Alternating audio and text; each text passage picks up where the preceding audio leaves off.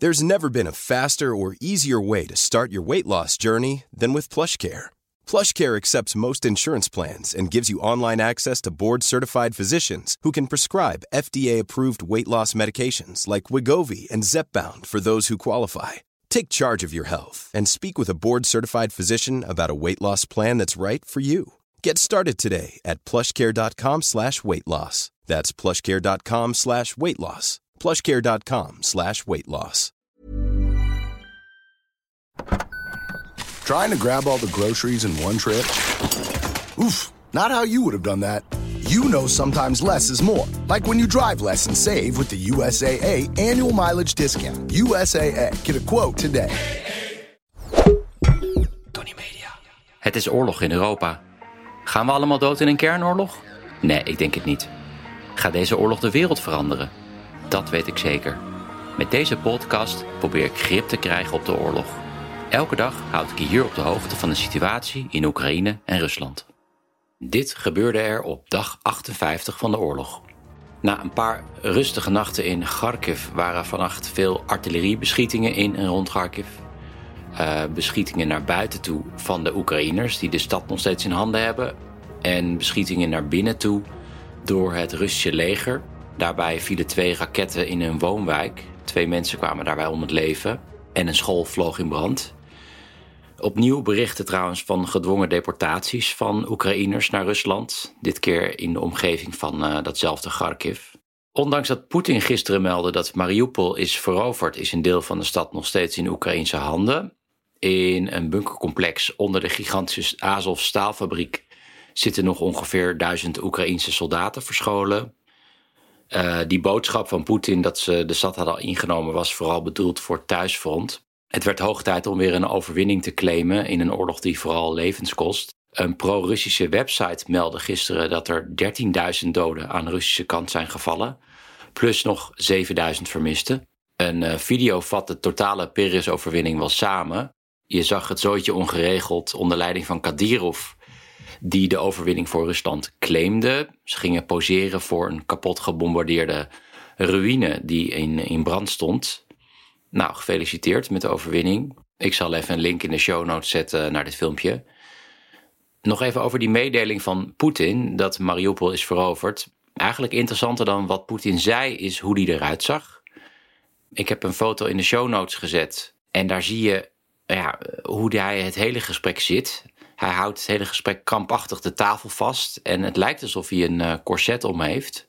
Hij heeft wel vaker problemen uh, met zijn rug nadat hij in 2012 van zijn paard viel. Ook zat hij aan een heel klein tafeltje uh, voor zijn doen met zijn minister van Defensie Shoigu.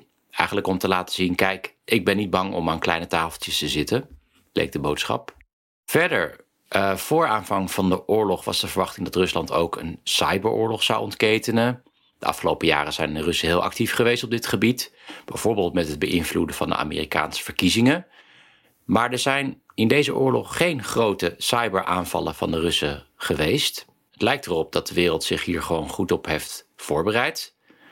Andersom worden Russische sites voortdurend platgelegd door DDoS-aanvallen. Het lukt me zelden om op sites van Russische media of de overheid te komen. Maar het gaat nog dieper. Elke dag worden Russische instituten en organisaties gehackt. En alle data wordt dan gedownload. Even om een idee te geven van de schaal. Op 19 april, dus op één dag, zijn 29 instanties gehackt en gegevens gedownload. Waaronder die van Gazprom, mediawaakhond Roskomnadzor en de Russische staatstelevisie. Ja, dat is één dag. Dat is dus echt onvoorstelbaar. En ook daar is kennelijk Rusland niet goed op voorbereid geweest. Het gaat om vele terabytes aan data. Zoveel data eigenlijk dat de hackers niet eens weten waar ze moeten beginnen. Goed, gaan we nu door naar de Russische media. Ja, behalve een Russisch instituut hacken kan je het natuurlijk ook gewoon in brand steken. Gisteren vloog het luchtvaartinstituut van het Russische ministerie van Defensie in brand. In de stad Tver, een stad halverwege tussen Moskou en Sint-Petersburg. Er was niet zoveel aandacht voor deze brand op tv, maar wel op de Russische socials. Uh, het is een onderzoeksinstituut waar raketsystemen worden ontwikkeld.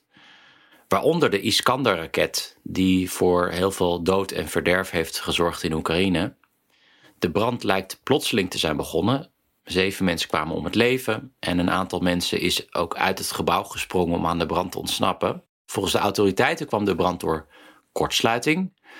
Maar daar hebben veel Russen op de socials een hard hoofd in. Eerder vloog het vlaggenschip de Moskwa ook al in brand, zogenaamd. Hoe dan ook, wat de oorzaak ook is, het is weer een slag voor de Russische oorlogsmachine. Ook in de categorie best opvallend.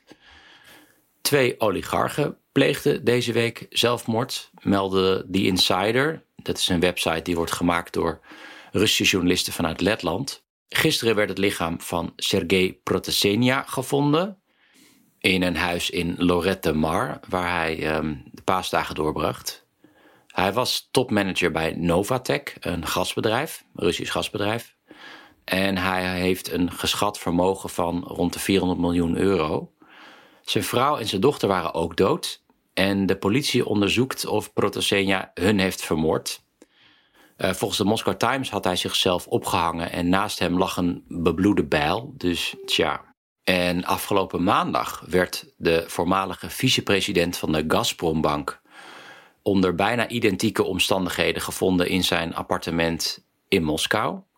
De man, Vladislav Avayev, had zelfmoord gepleegd. Daarvoor had hij zijn dochter van 13 en zijn vrouw doodgeschoten. Uh, recherche kwam in ieder geval tot die conclusie omdat zijn vrouw en zijn dochter kogelwonden hadden. Hij had het wapen in zijn hand en er waren geen sporen van inbraak. In januari en februari pleegden ook al twee topmanagers van Gazprom zelfmoord. Die woonden in hetzelfde dorp, toevallig of niet toevallig, in Sint-Petersburg. En ja, vier zelfmoorden in drie maanden van topmanagers van Russische gasbedrijven mag je natuurlijk best opvallend noemen. En dan nu. Ja, vrijdag geef ik uh, altijd wat kijktips, wat je moet zien, wie je moet volgen. En ik wil me vandaag richten op twee correspondenten die actief zijn in Rusland en in Oekraïne. Hé, hey, even, waarom zit jij daar eigenlijk niet? Beetje laf podcastje inspreken, veilig in Nederland. Waarom, waarom zit je eigenlijk niet in Oekraïne? Zou je je af kunnen vragen.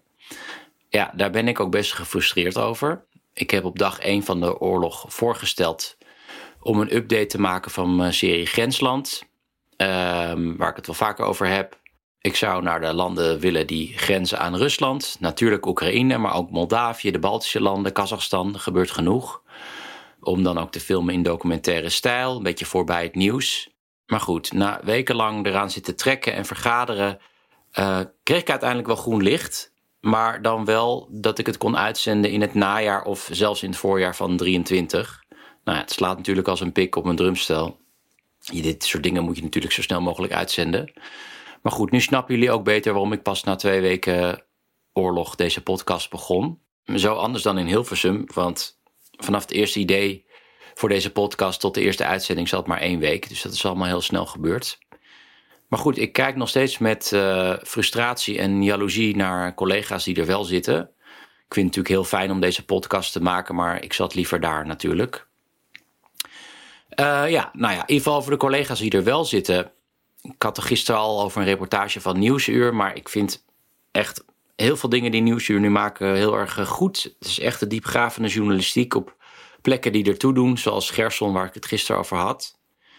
Verder, voor wie niet zo vaak kijkt naar RTL Nieuws, zou ik je willen wijzen op de reportages van Olaf Koens. Ik heb samen met Olaf in Moskou gezeten.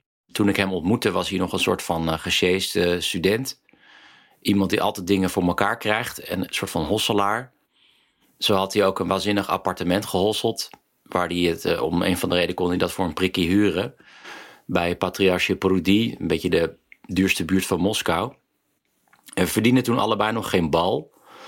En uh, we hebben een keer nog wat bijverdiend als figuranten in een Russische film.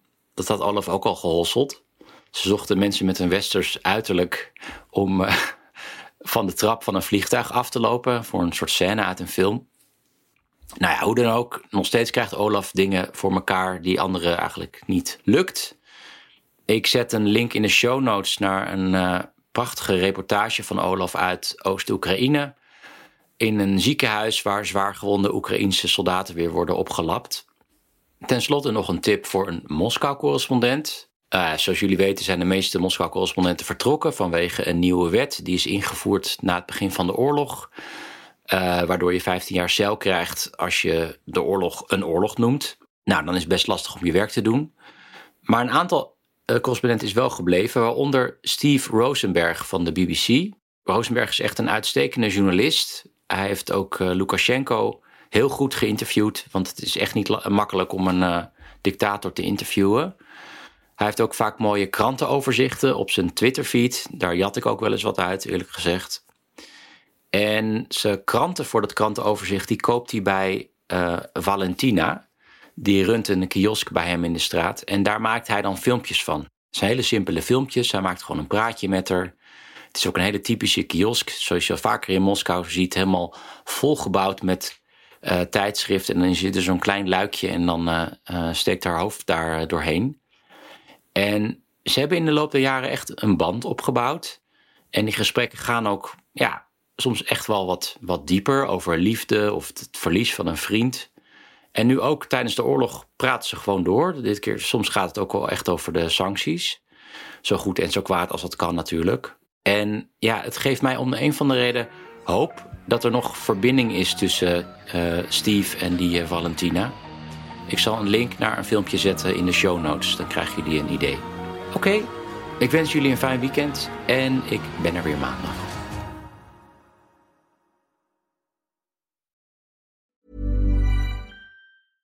Hey, it's Paige DeSorbo from Giggly Squad. High quality fashion without the price tag. Say hello to Quince.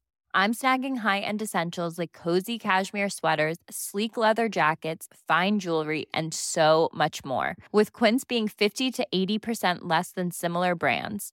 And they partner with factories that prioritize safe, ethical, and responsible manufacturing. I love that. Luxury quality within reach. Go to quince.com slash style to get free shipping and 365-day returns on your next order. quince.com slash style.